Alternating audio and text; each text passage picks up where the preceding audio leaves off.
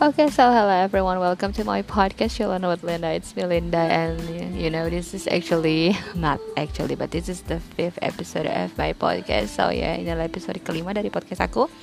Uh, untuk kali ini, uh, gue bakal ceritain mengenai beberapa apa ya hal yang gue alamin gitu ketika gue masih kecil.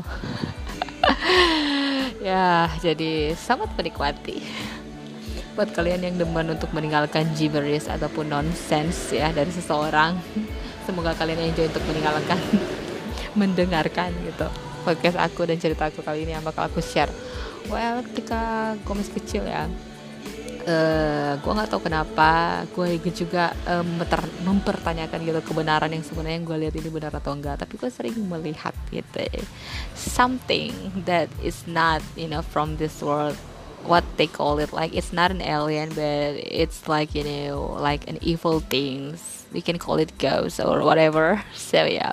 So i can see it. When i was a child i don't know because the memories of it is pretty distorted. And also you know uh, it's just like you know a vivid memories of it. But my parents also told me like yeah you always you know have some things like you know you see things in somewhere like maybe in our house or you know like in other place we just don't know if you you know if you're telling the truth or not because you're still kids. So yeah. At that time uh, gue sering kayak uh, melihat sesuatu gitu kayak di rumah. Karena kan uh, waktu dulu kan uh, orang tua gue kan suka pindah pindah-pindah rumah ya jadi kita masih ngontrak masih kumpulin duit buat you know bikin rumah kita gitu. Jadi uh, pada pada saat kita pindah-pindah rumah itu pasti di setiap rumah gitu I will see a thing in there. So yeah.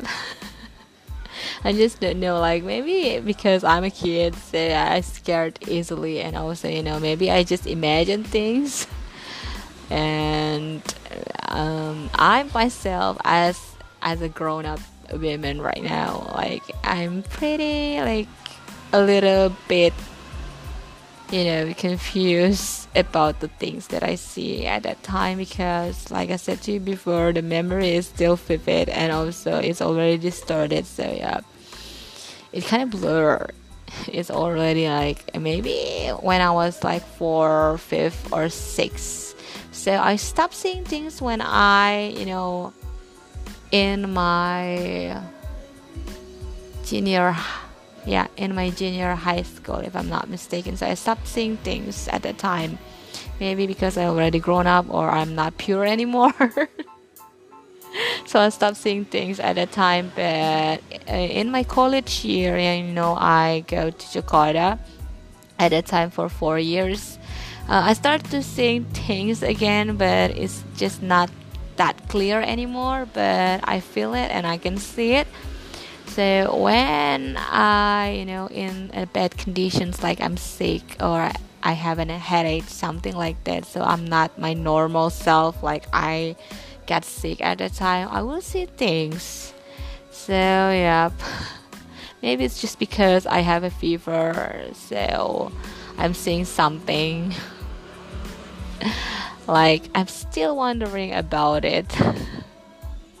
so yeah. I'm gonna ask you, you, yes, you, you are the one that, you know, listening to this podcast. If you have, you know, a same like experience like me, maybe you can just, you know, try to you know rewind all the experience that you know you feel you see at that time and thinking like you know try to think about it again. Is it true that you're seeing things or is it just because you wanted attention or you know because you're too scared and you imagine things? Or maybe it's real.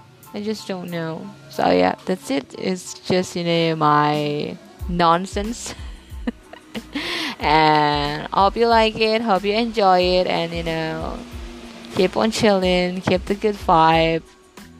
See you in my you know next episode. Bye bye